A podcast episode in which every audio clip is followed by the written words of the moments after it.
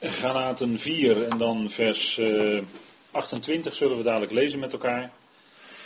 Tot en met vers 31, want verder komen we niet vanavond. Goed, wij zullen eerst met elkaar de Heer danken.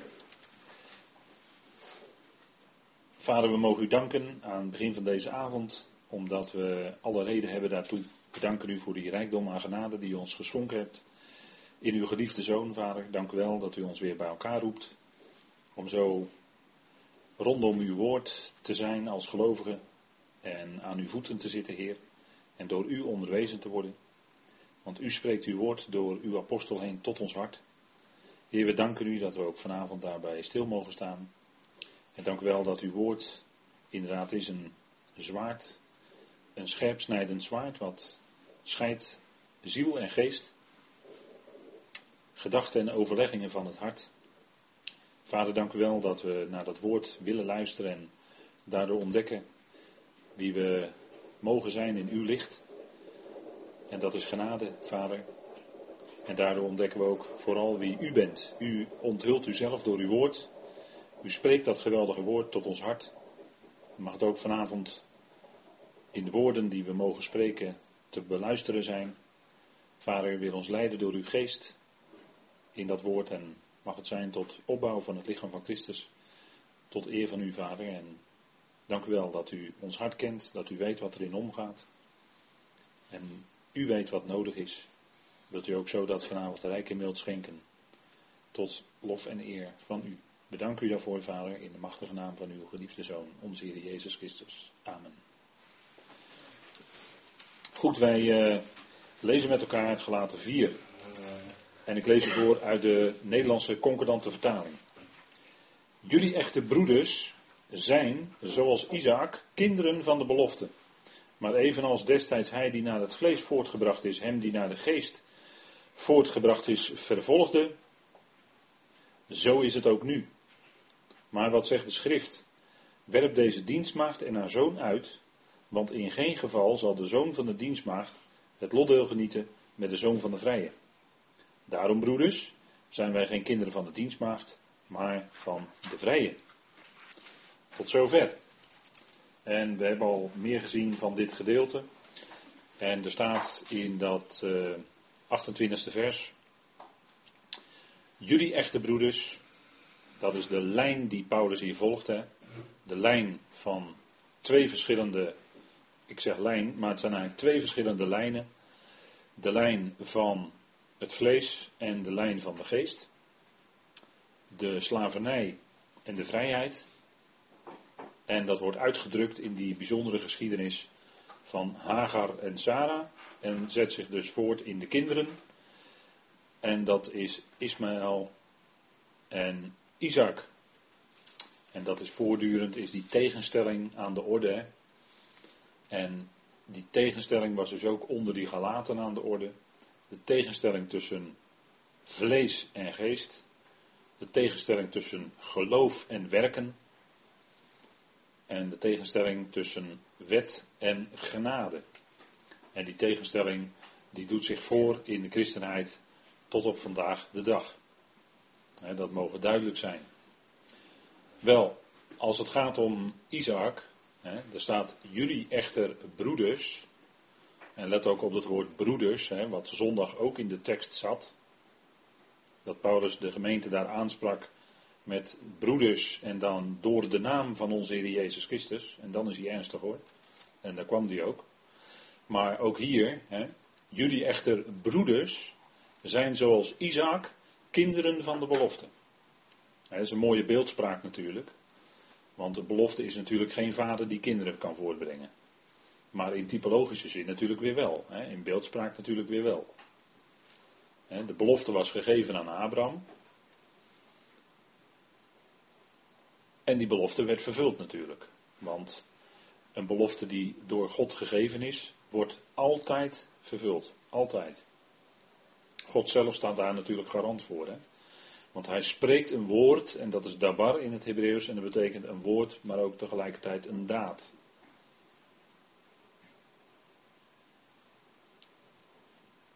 En omdat bij God dat bijzondere spreken er is, Het spreken wat altijd een belofte inhoudt, een belofte naar de toekomst, was dat ook zo in het leven van Abraham. Toen God in het leven van Abraham begon te spreken, was het automatisch een belofte.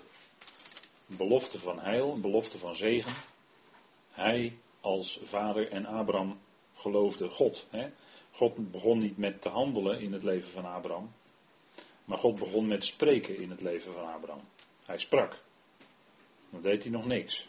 Hij riep Abraham en hij leidde hem op een gegeven moment in Genesis 15 uit de tent. Hè? En uh, toen dacht Abraham nog van nou mijn knecht de Damaskener Eliezer. Daar zou ik maar niet dieper op ingaan. Maar daar zou nog wat van te zeggen zijn. Maar die zag hij als zijn erfgenaam. Dat was zijn huisknecht. Hè? Zal deze Damaskener Eliezer mijn erfgenaam zijn, zei Abraham. Nee, zei God, nee. Abraham, jouw nageslacht zal zijn, kijk eens omhoog naar de sterren, zoals die aan de firmament staan. En als het zand aan de zee, dat was de belofte. En God heeft die belofte waargemaakt. Als we nu in de wereld om ons heen kijken, dan zien we dat ook. Hoeveel nakomelingen er van Abraham en van Ismaël zijn. Hm? Miljoenen. Ontelbaar. Exact zoals God het beloofd had. Precies. En Abraham is ook geestelijk gezien vader, namelijk van alle gelovigen. En dan hebben zelfs wij, zoals wij hier zitten, een relatie met Abraham. Want hij is onze geestelijke vader, onze vader in het geloof. Jullie zijn kinderen van Abraham. Niet door de besprenging met water in de doop. Dat is trouwens geen dopen. Besprenkelen, dat is besprenkelen, dat is geen dopen, dat is besprenkelen. En dan wordt er gezongen in de kerk. Het verbond met Abraham zijn vriend bevestigt hij van kind tot kind. Maar dat komt niet tot uitdrukking in de doop hoor. Dat komt tot uitdrukking in geloof. Als iemand gelooft. Hm? Dan komt het tot uitdrukking dat je kind bent. En wij hebben dus Abraham als vader. Wij hebben namelijk geloof ontvangen van hem. En dat geloof, dat is het geloof van de zoon. Hè? Dat is het geloof van Jezus Christus en dat werkt dus ook in ons.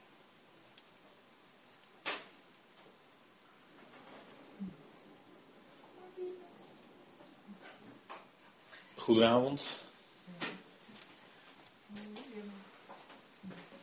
En wij hebben Sarah, dat leren we nu uit dit stukje. We hadden altijd gedacht natuurlijk dat wij Abraham als vader hadden, maar we vergaten daarbij Sarah. Maar Sarah is onze moeder, hè? Toch? Sarah is onze moeder. Want we zijn vrij. En als we vrij zijn, en dat zijn we als gelovigen, we zijn vrij. Niet vrij tot losbandigheid natuurlijk, hè? maar goed, daar gaan we in hoofdstuk 5 nog wel naar kijken. Maar we zijn natuurlijk vrij om niet langer de zonde te dienen als slaaf, maar onze leden te stellen tot dienst van de gerechtigheid. Tot dienst van God. Zo, hè? zo stellen we onze leden. Die vrijheid hebben we. We zijn niet meer gebonden aan de zonde. We zijn ook niet meer in slavernij onder de wet. Dat geldt dan vooral natuurlijk voor Israël. Hè? Maar in het christendom is de wet al heel snel binnen, niet, nou ja, niet binnen geslopen. Dat, kwam met, uh, dat ging met in galop hoor, dat ging snel. Hè? Want het vlees wil graag natuurlijk aan voorwaarden voldoen. Hè? Het vlees wil graag werken. Dus daarom spreekt een wet de mensen altijd aan. Ook heidenen die zelf nooit onder de wet geweest zijn, die komen tot geloof. En dat gebeurt vandaag de dag nog steeds. Mensen uit de heidenen komen tot geloof, worden christen. En dan uh, een van de eerste dingen die ze als christen leren is dat ze onder de wet staan. Heel vreemd. Heidenen die nooit onder de wet van Mozes waren, misschien wel onder allerlei religieuze wetten, dat zou best kunnen, maar ze waren nooit onder de wet van Mozes. En dan komen ze tot geloof en wat doen ze? Ze gaan onder de wet van Mozes leven. Dat is inconsequent hoor. Dat is inconsequent. Want de wet van Mozes was het oude verbond. En de Hebreeën schrijver zegt, als er gesproken wordt over het oude, dan is het nabij de verdwijning. Hè? Want Jeremia had het al over het oude verbond hoor. Dat was honderden jaren voordat het nieuwe met de Heer bij de maaltijd met de discipelen werd ingewijd. Deze beker is het nieuwe verbond in mijn bloed, zei hij. En ik zal die met u weer drinken in het koninkrijk mijns vaders. Dat zei hij allemaal.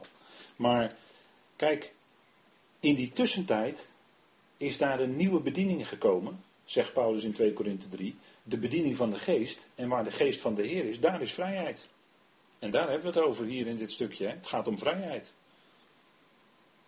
Vrij van de wet. Vrij van die, al die verplichtingen. En wat, eh, hè, een heleboel gelovigen die zijn aan het discussiëren over de wet. En dan gaan ze discussiëren over wat ze. Want daar gaat een van de eerste dingen. Dan gaat het over wat ze wel en niet eten mogen. Hè, dan leren ze wat ze niet meer mogen eten. Hè, bijvoorbeeld vlees waar nog bloed in zit. En dat soort dingen. Hè. Dan gaan ze helemaal in de wet uitpluizen van welke dieren dan wel, geen, wel of geen vlees. Wat dan wel of niet kosher is. Hè, dus er zijn in Nederland ook steeds meer Messiaanse gemeentes. Hè. Dat is heel aantrekkelijk want dan houden ze ook een deel van de feesten. Die alleen maar schaduwbeelden waren. Maar wij hebben de vervulling al in Christus. Ziet u hoe scheef het allemaal getrokken is in de, in de christendom? Het is allemaal scheef getrokken. Maar wij zijn vrij. Wij zijn vrij van al die verplichtingen. En wij hebben alle vrijheid om de Heer te dienen. En er, staat, en er staan al die verplichtingen staan ons niet meer in de weg. Daar hoeven we niet aan te voldoen. Maar we zijn gewoon helemaal vrij om de Heer te dienen. Nou, dat is geweldig. Nou, we hebben net als Abraham, want Abraham leefde 400, 430 jaar voordat de wet kwam. Voordat de wet kwam, hoort u wat ik zeg? Voordat de wet kwam, leefde Abraham in geloof. Die heeft dus nooit onder de wet geleefd. En wij zijn kinderen van Abraham. Wat hebben wij dus te maken met de wet? Niets. Want er zit 400 jaar tussen. En als je eronder gaat staan, wat, wat ben je nou toch bezig? Wat ben je nou mee bezig dan? Kijk, dat Paulus erover verbijsterd was, dat kan ik me heel goed voorstellen. En Paulus laat aan alle kanten aan die gelaten zien, van alle kanten, van welke kant het ook benadert, maar het, het wordt gewoon zo duidelijk. En, en daarom is Paulus waarschijnlijk ook niet populair om te lezen. gaat, u, gaat u maar vragen, willekeurige evangelische gemeente of kerk, uit welke brief doen jullie Bijbelstudie? Geheid dat het Petrus of Johannes is. Maar niet Paulus. Dat gebeurt niet vaak hoor, dat een brief van Paulus wordt bestudeerd. En als ze dan de Efezebrief bestuderen, doen ze er zes avonden over. De hele Efezebrief, zes avonden. Nou ja, dan, dan verdiep je je niet in de Efezebrief hoor. Dan glij je overal langs en overal overheen en dan heb je niet door wat Paulus daar werkelijk schrijft. Maar men heeft er geen zicht op. En wij zijn, wij hebben Sarah als moeder. En als we nu deze brief hebben bestudeerd, dan zegt u van nou, wat ben ik blij dat ik Sarah als moeder heb. Als je het even begrijpt, hè. Vrij van de werken van de wet. Dat is dus genade. Hè? Dat is een en al, eigenlijk een en al genade, want de belofte en geloof, dat is de lijn van de genade. En de genade is gratis voor niks. Daar hoef je niks voor te doen. Daar kun je zomaar, Heer, dank u wel voor zeggen. Hoef je niks voor terug te doen. En dat is moeilijk voor een mens, want we willen altijd wat terug doen. We kunnen niet van genade leven. We willen er altijd wat voor doen. Zit in onze Calvinistische cultuur ingebakken. Maar het is gratis en voor niks. We zijn vrij van de werken van de wet. We hebben Sarah als moeder. Nou, wees blij. En, en laat dan die genade regeren. Want kijk, Sarai, dat weet u natuurlijk wel. Dat betekent, zegt u, wat betekent de naam Sarai? Laat ik het maar vragen voordat ik het zeg. Wat betekent de naam Sarai? Vorstin, goed. En dat is dus onze vorstin in ons leven, de genade. Zij staat voor de genade. En Paulus zegt ook in Romeinen 5 dat genade regeert. Sarah is onze vorstin. Prima. En Sarah, dat betekent uh, vorstin, en dat is afgeleid in het Hebreeuws van het woord shora. En dat heeft te maken, bedoeld heeft te maken met het woord shora. En het woord shora is gerst. In het Hebreeuws. En het heeft ook te maken met haar, de harige. En heeft u wel eens een gerstenhalm gezien? Er zitten allemaal haren aan. Vandaar dat shora, dat gest shora is in het Hebreeuws. Heeft allemaal met elkaar te maken. Want als iemand veel haar heeft, dan heeft hij die heerschappij. Daar staat het typologisch voor. Hè? Kijk maar naar Simpson. Die had veel haar en die was de richter. En op het moment dat hij zijn haren kwijt was, was hij ook zijn kracht kwijt. En kon hij dus ook niet meer heersen als richter. Begrijpt u? Kijk, dat heeft in het Hebreeuws allemaal met elkaar te maken. En toen Rut in Israël kwam, dan staat er in Rut 1, vers 22. En het was de tijd van de gerstenoogst. Let op, daar moet je opletten. Want het gaat over koningschap. Het gaat natuurlijk over de lijn richting David. Want uit heel die geschiedenis, dan krijg je Obed, weet u wel. En dan krijg je de Isaïe, het kind. En dat is de vader van David. En die werd koning. Dus met gerst gaat het om koningschap. Dat zit al in het woord. En Sarah is dus vorstin. Dat heeft daar natuurlijk alles mee te maken. En is voor ons die staat voor die genade die regeert in ons leven. We zijn vrij van de werken van de wet. Want Sarah heeft natuurlijk ook nooit onder de wet geleefd. En dat, dat is wat natuurlijk hier allemaal in zit. Hè? Kijk, en de belofte. Ehm, kijk, de plaats Beersheba, dat zegt u wel iets, hè, denk ik. Beersheba. Weet u wat Beersheba betekent? Wie, wie weet dat toevallig? Beersheba, wat betekent dat? Wat? Zeven, toch? Hoe? Met zeven. Iets met zeven. Ja, Sheba, Sheba. Ja, dat heeft iets met zeven te maken. Shabbat, Sheba, ja. Maar het betekent eigenlijk, Sheba, dat heeft ook een andere afleiding in het Hebreeuws, namelijk eet. De bron van de eet betekent dat. Ber-Sheba. En dat is waar Abraham regelmatig kwam. lees u maar eens na in Genesis 21. Dan draait het om Beersheba, de bron van de eet. En een bron is iets dat belooft. Hè? Bron is, is gekoppeld aan een belofte. Want een bron, zo ziet een Jood het ook, een bron belooft water. Er moet water uitkomen. Dus een bron belooft wat. Dus vandaar dat bronnen, waterbronnen, een grote rol spelen in het leven van Abraham. Want hij was degene die de belofte kreeg. En ook in het leven van Jacob. Hè?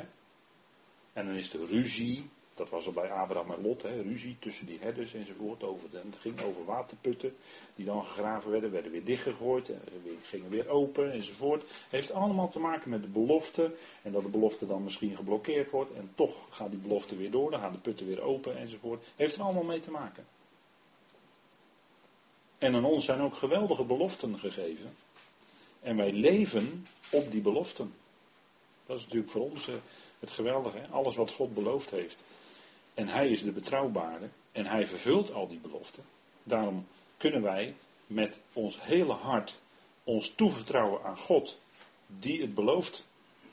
Want Hij zal het ook doen. Hè? En degene die belooft zal het ook doen. Nou, dat is ook precies wat in Abrahams leven gebeurde.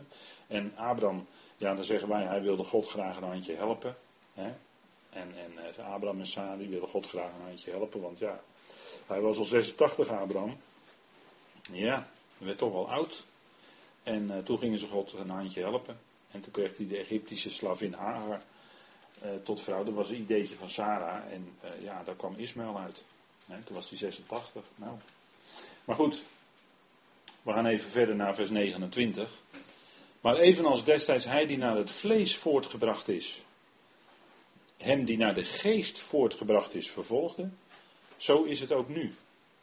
En hier ziet u dan die twee lijnen hè, tegenover elkaar. Vlees tegenover geest, want dat wordt hier ook in de tekst genoemd. Hè. Hij die naar het vlees voortgebracht is, dat is dus Ismaël natuurlijk. Hè. Want dat was niet het kind van Abraham en Sarah. Misschien uh, kon, hier wel, kon dat kind wel zo gerekend worden, en dat, zo werd het ook wel door God hoor omdat Hagar eigendom eigenlijk was van Sarai. En daarom werd Ismaël ook wel gerekend. En daarom werd Ismaël ook gezegend. En kreeg hij ook veel zonen. En daartegenover Isaac. En dan heb je aan de linkerkant weer Hagar. En aan de rechterkant Sarah.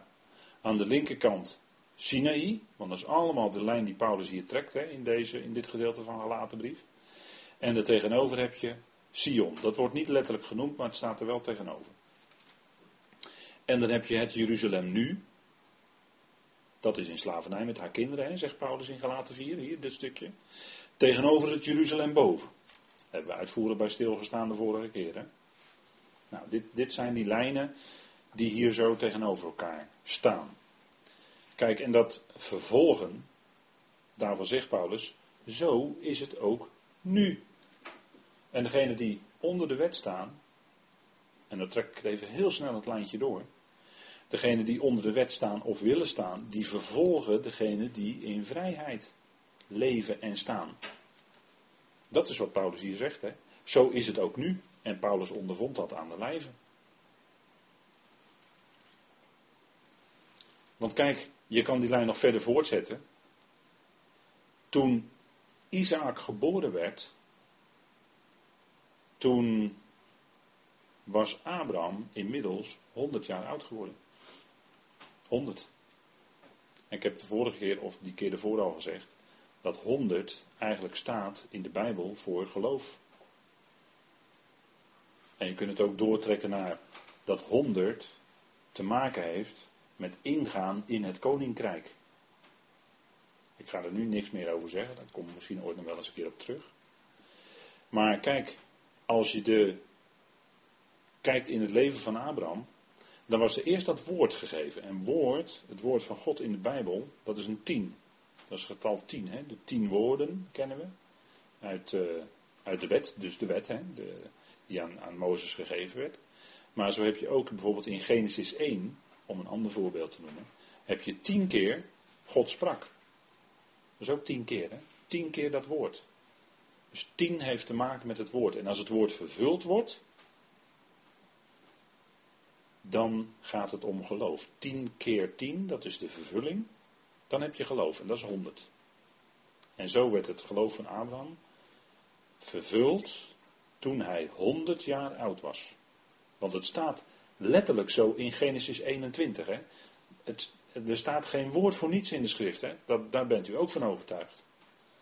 Dus er moet een betekenis zijn waarom daarbij staat dat Abraham toen 100 jaar oud was. Dat kan niet anders. En dat heeft met deze dingen te maken. En het wonderlijke is dat de toegangspoorten tot de tabernakel ook 100 zijn. Bijvoorbeeld 20 keer 5 L, dat is 100 vierkante L. De toegang tot de tabernakel. Of 10 keer 10. 10 keer 10 L, de toegang tot de tabernakel, is ook 100. Dus om door die poort binnen te gaan, moet je door de 100 heen. Begrijpt u?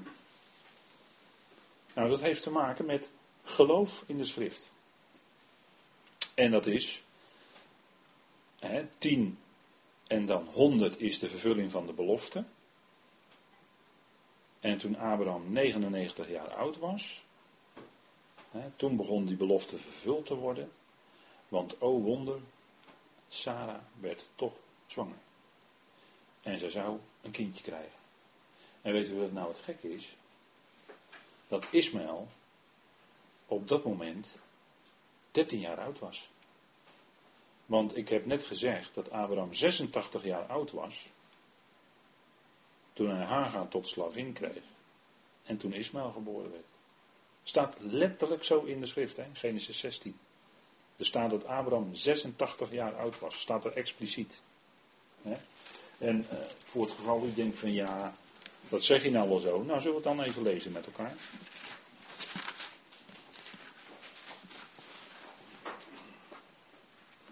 Genesis 16, vers 16, dus die kunt u makkelijk onthouden.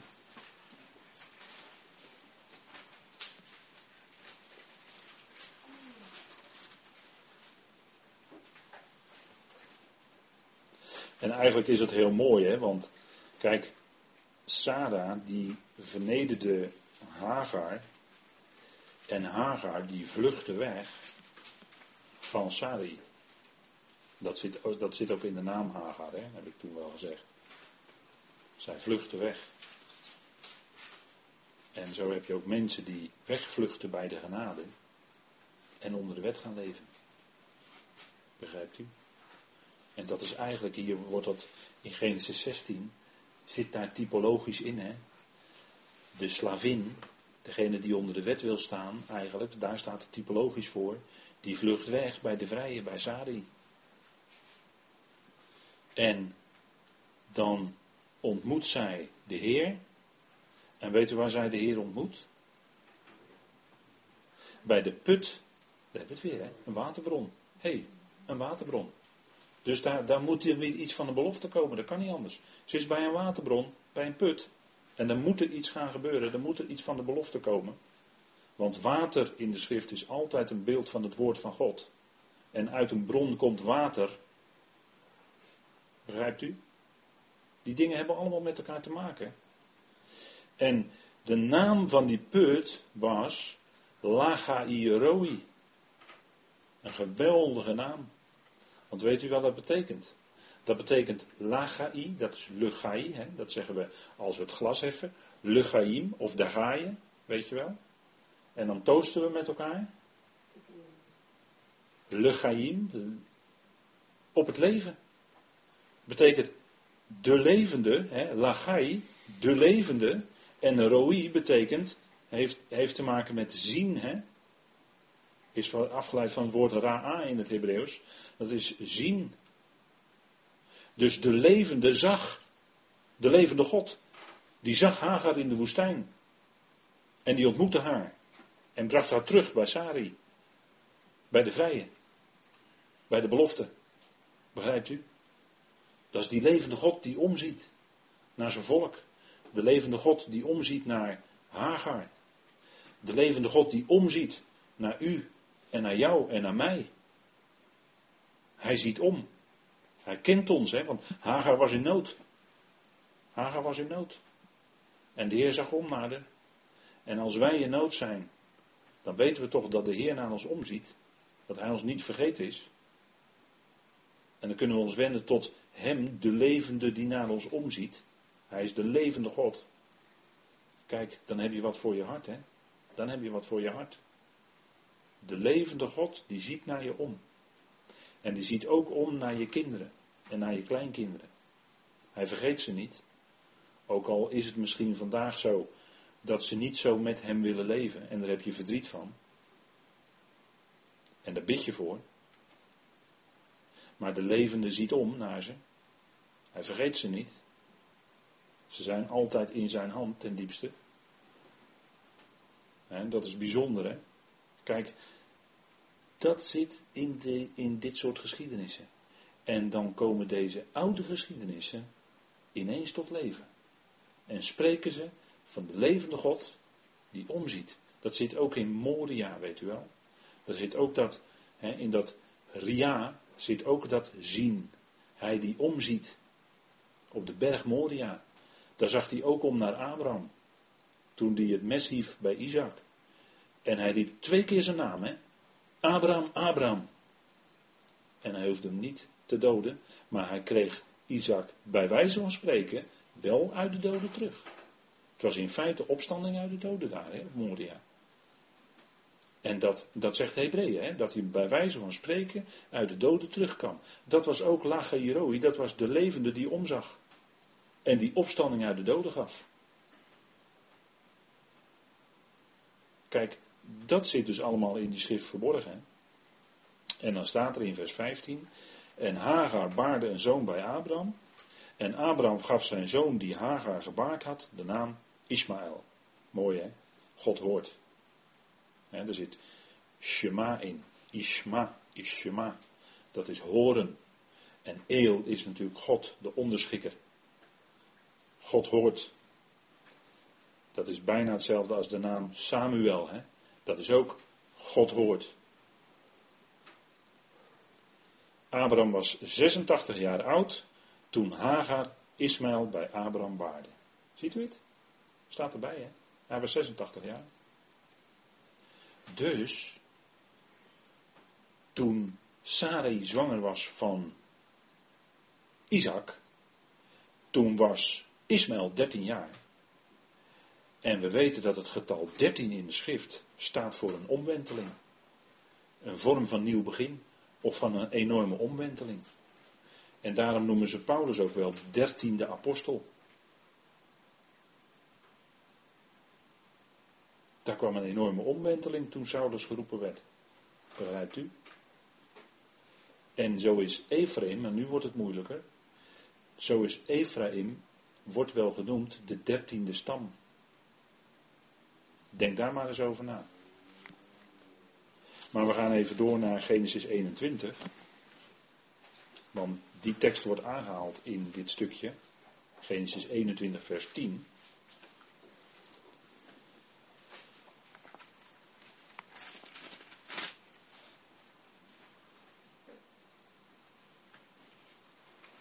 Kijk, en in 21 vers 1 staat.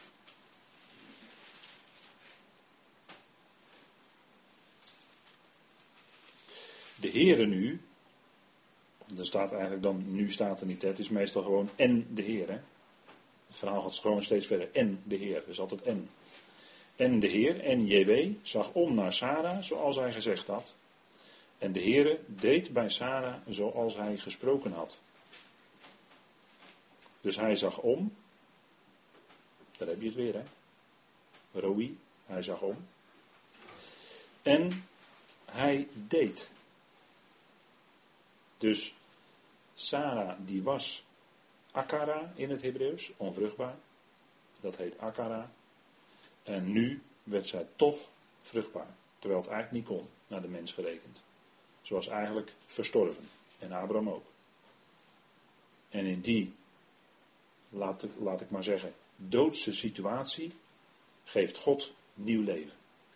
Dat is ook in feite een beeld van de opstanding. Hè? Dat is ook een beeld van de opstanding.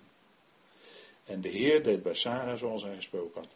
Sarah werd zwanger en baarde, hem, en baarde Abraham een zoon in zijn ouderdom. En dat is eigenlijk heel dubbelzinnig wat er staat. Hè? En hij baarde, en dat is, zij baarde, en tegelijkertijd is het een zoon. En zoon is ook bouwen, hè. Dus Abraham werd toch gebouwd. Uit Sarah. Op de vastgestelde tijd die God hem genoemd had. hij had gezegd, over een jaar zal een zoon hebben. En u weet dat Sarah dan lachte bij de tent. Zij lachte. en dat was, vaak wordt dat uitgelegd als ongeloof. Maar je zou het ook van de andere kant kunnen benaderen. Het was het lachen van het geloof. Zij lachten omdat zij geloofden. Kan ook nog, hè. En Abraham gaf zijn zoon, die hem geboren was, en die Sarah hem gebaard had, de naam Isaac. Hij die doet lachen, betekent dat, hè. En Abraham besneed zijn zoon Isaac toen die acht dagen oud was, zoals God hem geboden had als een type van degene die later geboren zou worden. En daar was Isaac natuurlijk al een type van. Namelijk de Jezus Christus. Die zelfs zelf letterlijk ook op de achtste dag besneden zou worden. En waarom is die besnijdenis op de achtste dag? Waarom is dat op de achtste dag? Want dit was, het staat natuurlijk, je kan natuurlijk zeggen van, hè, oppervlakkig gezien, ja het staat in de wet, maar dit was natuurlijk lang voor de wet. Hè? dat de kindertjes op achtste dag, eh, liefst op achtste dag besneden moesten worden. Maar dit was al lang voor de wet. Maar bij de acht ben je bij de nieuwe schepping. Dan ben je voorbij de zeven. Hè? Kijk, zeven heeft te maken met deze schepping, waarin wij leven. Dus alles met zeven. Gods volkomenheid in deze schepping is dat. Hè? Zeven. Is ook de Shabbat, is ook de rust. Hè? God stopte met werken. Hij rustte niet, maar hij stopte met werken op de zevende dag. Maar de zeven is het kenmerk van deze schepping. Maar ben je daar voorbij, dan ben je in de acht. De achtste is een nieuw begin, dat is de nieuwe schepping. En dat symboliseert eigenlijk de besnijdenis. Want de besnijdenis is een beeld of is een type van het verdwijnen van de oude schepping en dus het tevoorschijn komen van de nieuwe schepping. Het vlees wordt afgesneden, want daar gaat het om het vlees wordt afgesneden. En dan komt daarvoor in de plaats natuurlijk de geest. Uiteraard. De nieuwe schepping kenmerkt zich door geest. En die nieuwe schepping is, behoort nu nog bij de dingen die wij niet kunnen zien. De onzichtbare dingen. Vandaar dat ook dat rijtje op deze dia, dat eindigt met zichtbaar en onzichtbaar. Dat heeft te maken met vlees en geest. Die Corinthiërs, die waren vleeselijk ingesteld. Die waren ingesteld op de zichtbare dingen. Op het hier en nu, op de wereld om hen heen. En hoe ze die zienlijke dingen allemaal moesten regelen en inrichten, daar waren ze mee bezig. En natuurlijk ook met eten, natuurlijk. Vlees wat aan de afgoden geofferd is, mag je dat dan wel of niet eten? Nou zegt Paulus, wij erkennen toch geen enkele afgod. Dus wat maakt dat nou uit? Wat maakt het nou uit? Al die goden van de, van de heidenen zijn nietsen. Niets, die stellen niets voor. Het is niks. Leeg. En vlees wat daarna geofferd is, ja goed, het is gewoon vlees. Dat komt uit Gods schepping, kan je gewoon eten. Je moet geen navraag doen. Het is gewoon vlees, je kan het gewoon eten. Je gooit het gewoon in de pan. Een bakje in olijfolie. Lekker stukje vlees, aardappel en groente erbij. Je hebt een heerlijke maaltijd. En nergens wat van aantrekken. Weet jij veel? Je gaat toch niet bij de slager navragen of het ooit een afgoden geofferd was? Kijk, als je dan een zwak geweten hebt, en we zouden daarbij wel in fijngevoeligheid rekening met elkaar houden, maar als je nou een zwak geweten hebt, dan ga je navraag, navraag doen van dat vlees. Of dat mogelijk, dat speelde toen in Korinthe, er waren allerlei, eh, weet ik wat, eh, voor toestanden bij afgoden enzovoort. Maar er werd dan ook vlees bij, uh, maaltijden werden natuurlijk ook gehouden. Hè, want uh, als je een afgod diende moet je ook maaltijden houden enzovoort. Nou, dat vlees was dan gewijd aan de afgoden enzovoort. En dan ga jij, ga navraag doen over vlees dan. Maar als je nou een zwak geweten hebt, ga je navraag doen. Terwijl als je in de schrift leest, dan zeg je van nou, God geeft ons alles om te genieten uit zijn schepping. Dus we danken hem ervoor. En dat het op je bord komt, kun je God voor danken? Ja, prima. Geen navraag doen, gewoon opeten, is gezond, klaar. Dan heb je een makkelijk leven. dan hoef je niet over alles na te vragen of het misschien wel rein is of onrein. Of, want daar, dan kom je weer, ook in de Joodse wetten, dan kom je allemaal daar weer mee te maken. Dan moet je gaan navragen of het nou vlees is van een dier met gespleten hoeven of niet gespleten hoeven. Of het een bepaald gevogeld is wat je dan wel of niet mag eten. Nou, Paulus zegt, alles wat uit Gods schepping komt, kan je nuttig onder. He, daar, hoef je, daar hoef je niks... Uh, daar hoef je niet, niet uh, rekening mee te houden. Hij geeft het uit zijn schepping, klaar. Nou, en, en, en dat is het dat is het punt voor ons. En die geweldige vrijheid die hebben wij. En kijk, die acht heeft dus te maken met het komen van een nieuwe schepping. Hè? En die Corinthiërs en zoveel gelovigen vandaag de dag zijn bezig met die oude schepping. Met al dat zichtbare. Begrijpt u? En dat is wat. Uh, waar aan het kruis, want kijk, met die verschillende lijnen. Hè, dat oude en dat nieuwe, daar zit natuurlijk een scheidslijn tussen. En die scheidslijn, die is getrokken eigenlijk, als ik het tot de kern terugbreng, die scheidslijn is getrokken op Golgotha. Want daar werd die hele oude mensheid, en eigenlijk ook die hele oude schepping, met hem meegekruisigd. En ging met hem het graf in. En wat uit het graf kwam, dat was hij als de eersteling van een nieuwe schepping. Een nieuwe schepping die voor ons onzichtbaar is, behoort bij de geestelijke dingen. En God werkt in het leven van een gelovige en bouwt ons op opdat wij geestelijke mensen worden. En Paulus kon niet tot de Corinthiërs spreken als tot geestelijke mensen, zegt hij. Dus hij moest bepaalde dingen achterhouden. Die kon hij niet aan hen kwijt. Een verborgen wijsheid. Maar hij kon alleen maar tot hen spreken als tot vleeselijke mensen. En vandaar dat hij dan heel uitvoerig, hoofdstukken lang op allerlei dingen moet ingaan waar dan vragen over waren. Al, en heel veel had te maken met, met, ja, dan zeggen wij de dagelijkse dingen. En eh, graag willen gelovigen dan daar ook allerlei eh, vaste, let op wat ik zeg, die willen daar graag allerlei vaste richtlijnen aan ontlenen. Maar als je Paulus goed leest in de eerste Korinthebrief, geeft hij geen vaste richtlijnen alsof het nieuwe wetten zijn, want zo willen de mensen graag lezen. Maar Paulus geeft geen nieuwe wetten.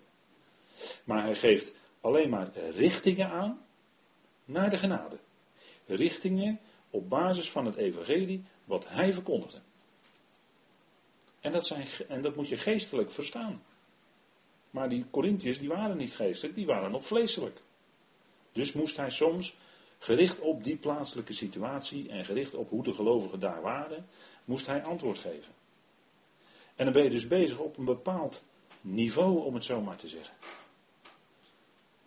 En als je nou bijvoorbeeld een brief als 1 Korinthe dus gaat leggen naast de Efezebrief, dan heb je een heel ander niveau. In Efeze ben je op een heel ander niveau. Ben je op een heel hoog geestelijk niveau. Dat zijn brieven die te maken hebben met de groei van een gelovige tot volwassenheid. maar daarin hebben we ook groei door te maken als gelovige. En dat ben je, je bent niet van de een op de andere dag geestelijk volwassen, geestelijk gerijpt. Ben je niet. Maar dat duurt soms jaren en jaren. En dat is het punt, hè. En, en dan krijg je wat meer zicht op ook hoe, als we nou in die brieven van Paulus kijken, hoe die brieven gericht zijn. Ik denk dat dat wel even voor ons eh, duidelijk kan zijn. En kijk, in Genesis 21 staat dan in dat volgende vers, we waren even gebleven in vers 4, maar in vers 5 staat dan, Abraham was 100 jaar oud toen zijn zoon Isaac hem geboren werd. Ziet u, hij was 100 jaar oud.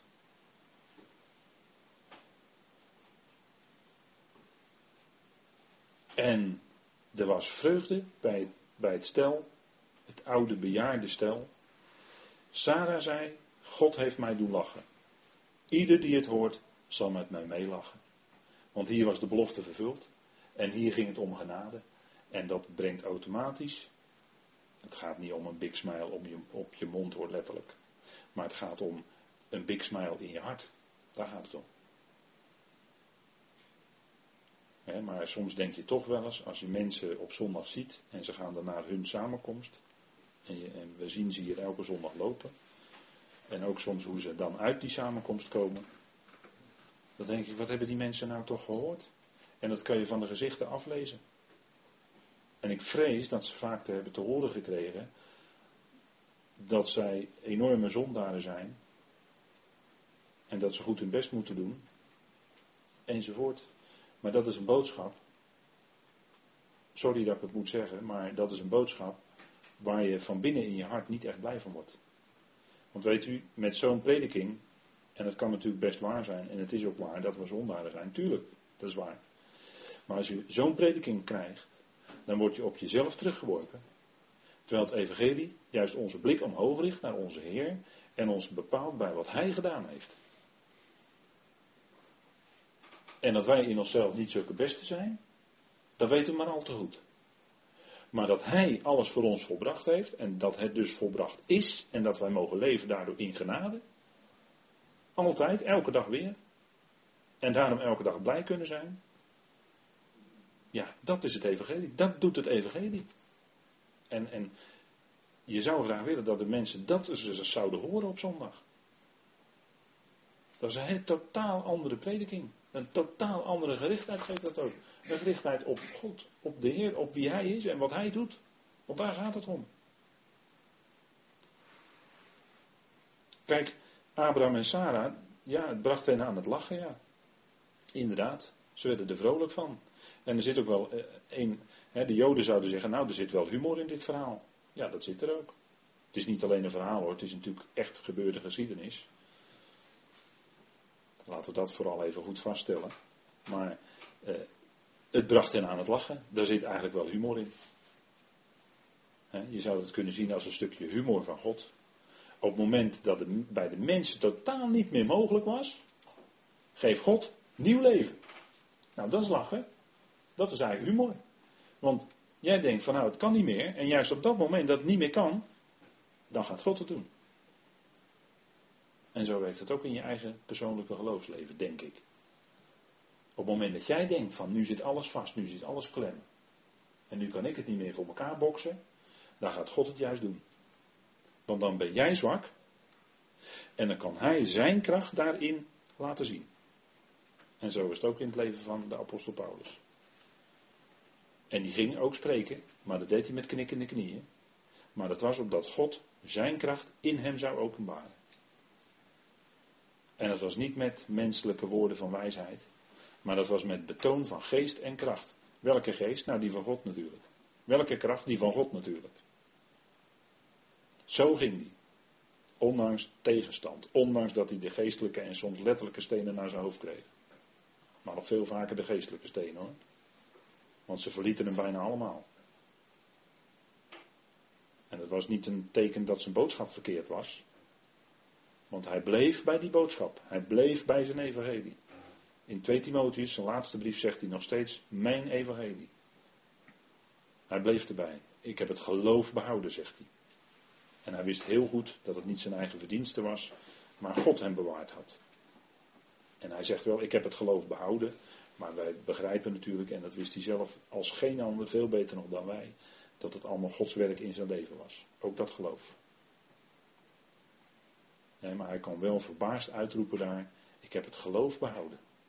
Verbaasd over de kracht van God in zijn leven. En voortslag voor hem klaar, die krans van gerechtigheid, die de Heer, de rechtvaardige richter, hem in die dag zal geven. En hij keek uit waarnaar, waarnaar, niet naar het aardse koninkrijk hoor. Hij keek uit naar het bovenhemelse koninkrijk. Daar keek hij naar uit. Nou, dat doen wij ook. En dat is de, de geweldige belofte. En ja, dat, dat deed hem ook lachen. En dan zien we dus dat, hoe dat verhaal eh, verder gaat. Hè. Er wordt, uh, Isaac wordt gespeend. En dat is eigenlijk wel grappig. Um, want het was natuurlijk lachen, het was humor. Hè. Ieder die het hoort zou met me meelachen, zei Sarah. En verder zei ze, wie zou Abraham hebben durven zeggen, Sarah heeft de zonen de borst gegeven? Voorwaar, ik heb een zoon gebaard in zijn ouderdom. En dat was een reden voor lachen hè, bij Sarah. En het kind werd groot en werd van de borst genomen. Op die dag dat Isaac van de borst af was, richtte Abraham een grote maaltijd aan. En dat is ook wel aardig, hè? Een grote maaltijd. Normaal is de vrouw degene die de maaltijd klaarmaakt, maar hier, toen die belofte vervuld was, richtte Abraham een grote maaltijd aan. En er was ook het teken dat die zoon, hè, die, werd, die ging meer richting Abraham. Hè. Hij ging hier meer van de moeder af en ging meer naar Abraham toe. En werd bevestigd dat hij werkelijk de zoon van Abraham was. En Sarah zag dat de zoon die Hagar, de Egyptische Abraham, gebaard had, aan het spotlachen was. Kijk, en dan komt naar voren die uitspraak die we hier ook in de gelaten brief vinden. Toen zei zij tegen Abraham, en deze uitspraak wordt door Paulus letterlijk aangehaald. Jaag deze slavin en haar zoon weg, want de zoon van deze slavin zal niet met mijn zoon, met Isaac, erven. En wat, wat gebeurde daar dan? Nou kijk, die Ismaël, die bespotte Isaac. En dat was wat, we de, wat, wat in de tekst zit die we nu behandelen. Dat was dat degene die naar het vlees verwekt was, die vervolgde degene die naar de geest verwekt was. De zoon van de belofte namelijk. Dat is hier aan de hand, hè? Ismaël ten opzichte van Isaac. En ik heb de vorige keer genoemd Hanna en Peninna. Dat is precies hetzelfde verhaal. Precies hetzelfde. Peninna bespotte Hanna.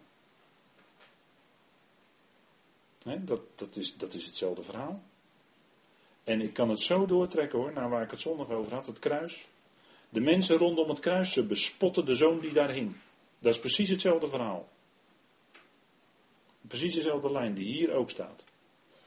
Ismaël die Isaac bespotte. En daarin was Ismaël een beeld van het ongelovige volk Israël. Onder de wet. In slavernij. En wat deden ze? Ze bespotten en ze hoonden hem. Van wie Isaac een type was. Die daar aan het kruis hing. Precies hetzelfde verhaal. Begrijpt u? Die lijnen die kom je dus overal tegen in de schrift. En daarom zegt Paulus ook, het was toen zo en het is nu, op het moment dat hij schreef, was het ook nog zo. En, en nu, op het moment dat we hier met elkaar zitten, is het nog steeds zo. Dat de gelovigen die naar het vlees zijn, die vervolgen de gelovigen die naar de geest willen zijn. Dat is vandaag aan de dag nog steeds. Het is waar wat Paulus schrijft hoor, het is waar. Het is de waarheid voor vandaag. Want we zouden het woord van de waarheid recht snijden. En dat moeten in bijzonder de arbeiders doen die dat woord mogen bedienen. Die moeten dat woord eh, van de waarheid, het gaat om de waarheid. Het gaat niet om, het, om schriftindeling, dat wij het woord willen verdelen of zo. Daar gaat het niet om. Nee, het gaat erom dat het woord van de waarheid recht gesneden wordt. Wat betekent dat? Dat die waarheid op de juiste manier wordt toebedeeld. Dat je de waarheid voor een bepaalde tijd laat staan voor die tijd. En dus ook de waarheid die nu moet klinken, laat klinken. Dat is recht snijden van het woord van de waarheid. En als het gaat bijvoorbeeld om wet of genade, hè, dan, dan, dan is het heel makkelijk voor ons nu om de lijnen te trekken. Je kunt niet de wettische voorschriften nu op de gelovigen gaan leggen, want we leven nu onder de genade. Dat is het juist toedelen van, van de waarheid. En dan had je in die tijd Hymenaeus en Philetus, want die worden gelijk door Paulus genoemd in 2 Timotheus 2. En wat zeiden ze? Ze waren afgeweken van de waarheid, doordat zij beweerden dat de opstanding reeds had plaatsgevonden. Dus zij hadden een waarheid, namen zij, die in de toekomst gaat gebeuren. Geweldige waarheid, de opstanding namelijk. Die verplaatste zij naar een andere tijd, namelijk naar het verleden. Dus ze waren niet bezig het woord van de waarheid recht te snijden. Dat deden ze niet. Ze weken ervan af. En, en ze verdraaiden en, en ze brachten anderen in verwarring en van het geloof af zelfs. En vandaar dat Paulus dat zo ernstig aanspreekt in 2 Timotheus 2. Maar wat, ontzettend belangrijk is, dat we de waarheden uit Gods woord gaan onderscheiden voor welke tijd zij bedoeld zijn. En welke waarheid dus voor ons bedoeld is vandaag rechtstreeks. En welke waarheid voor Israël bedoeld is straks en in het verleden. En als je het niet doet, dan is het tot grote geestelijke schade in je geestelijk leven. dat, dat zijn de, de enorme diepe consequenties ervan natuurlijk. Vandaar dat Paulus zo ernstig tegen Timotheus dat zegt want de, dan, dan gaat het ook, het gaat voortdurend om gezonde woorden. Als Paulus pastorale brieven schrijft aan Timotheus en Titus, dan gaat het voortdurend om gezonde woorden, een gezonde prediking, een gezond geloof. Nou, en als je een gezond geloof wil hebben, dan moet je blijven bij die gezonde woorden. Andere weg is er niet. En dan zegt Paulus, die woorden, Timotheus, die je dus van mij gehoord hebt. Het ging niet om hemzelf, maar het ging om Christus Jezus uiteraard. Maar Paulus was het kanaal. Nou, blijf bij die woorden die je van mij gehoord hebt. Dat zouden we doen. En daar waar we het niet doen, ja, dan wijken we af. En dat is altijd tot schade van je geestelijk leven, tot verarming. En, en daar kan ik zo, zoveel voorbeelden van noemen, zoveel. Maar het gaat om dat we behouden blijven, dat we gered worden in die waarheid voortdurend. Nou, dat is gewoon belangrijk voor, je, voor rust in je hart, voor blijdschap in je hart, voor, voor vreugde in je geloofsleven, voor uitzicht hebben op een toekomst, voor leven in werkelijke geestelijke vrijheid. Daar heeft het allemaal mee te maken. En al wat andere, dan wijk je er vanaf, dan raak je in gebondenheid. Wil je dat dan? Wil je dan terug in de gebondenheid? Dat wil je toch niet? Als je eenmaal de vrijheid geproefd hebt, wil je niet meer terug in gebondenheid, toch? Daarom, eh, daarom is het goed om te blijven luisteren. Nou goed, ik stel voor dat we even pauzeren met elkaar. Dan kunnen we even nadenken bij een kop koffie hè, over al deze dingen.